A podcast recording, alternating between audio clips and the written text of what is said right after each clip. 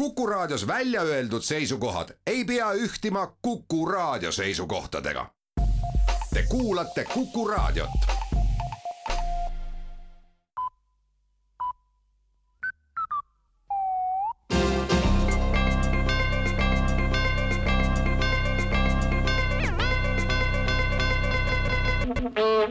tere kuulama uudiseid stuudios Rohke Debelak valitsuses on laual aktsiisipoliitikat veelgi täiustav arengukava ja muuhulgas näeb see ette hinnatõusu aktsiisi kehtestamist. aktsiisidega saab reguleerida mitmete tervist kahjustavate toodete tarvitamist ja hinnatõus on üks selliseid negatiivseid ilminguid, mis kannab selgelt negatiivset kuvandit hinnatõusu aktsiisimääraks on plaanitud kümme protsenti, kui toote või teenuse hind kasvab näiteks viis protsenti, siis lisandub sinna ka hinnatõusu aktsiis null koma viis protsenti aktsiisi tõttu tõuseb pisut hind veelgi, aga siis rakendub taas hinnatõusu aktsiis, mis toob riigikassasse ja seega kõikidele inimestele veelgi enam tulu juurde.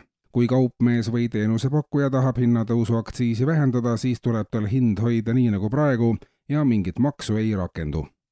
Elektrilevi aga teatab, et lähiajal tuleb turule veelgi elektripakette ja üks neist on mõeldud otseselt hinnatundlikule kliendile kuna elektri hind tõuseb nii või teisiti, pole kerge kokkuhoiukohti leida, samas on võimalik kokku hoida võrguteenuste pealt.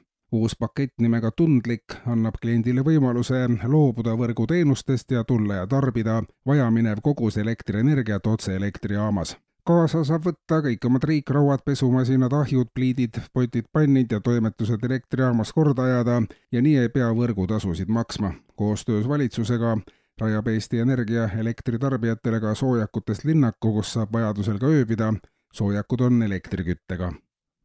tööinspektsiooni ja meedikute esindajatel lõppes eile kahepäevane töökohtumine. peamiseks teemaks olid valimiseelsel ajal kampaaniat tegevad poliitikud ja nende tööajast kinnipidamisega seotud küsimused Eestis on pea iga aasta mingisugused valimised ja mida lähemale valimistele, seda aktiivsemalt poliitikud ringi liiguvad, võtavad sõna, väitlevad, käivad ukselt uksele, avaldavad igal võimalikul juhul oma arvamust ja tahavad kuulda teiste omi sõnaga. meedikud ja Tööinspektsioon on seisukohal, et nii kurnavad poliitikud end alati enne valimisi ära ja ei suuda pärast valimisi seetõttu enam kuidagi inimestele kasulikud olla kui valimised läbi, siis hakkavad poliitikud taastuma ja tavaline töörütm saadakse kätte alles vahetult enne järgmisi valimisi ja kogu karussell algab otsast peale. seetõttu jõuta juba puhtfüüsiliselt kunagi valijatele antud lubaduste täitmiseni kiiremas korras tuleks poliitikud panna töö- ja puhkeaja seadusest kinni pidama, et poliitikust oleks ka peale valimisi asja, leiti lõppdokumendis ja kevadised valimised tuleb läbi viia juba normaalsuse piirides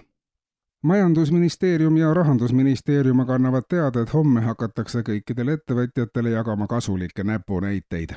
üritus algab kell kaksteist paralleelselt mõlema ministeeriumi hoone suures saalis. esimesel päeval näidatakse pöialt ja väikest näppu, ülehomme kõiki ülejäänud näppe kevadel aga selgitatakse välja poole aasta jooksul kõige enam näidatud näpp. kuulsite uudiseid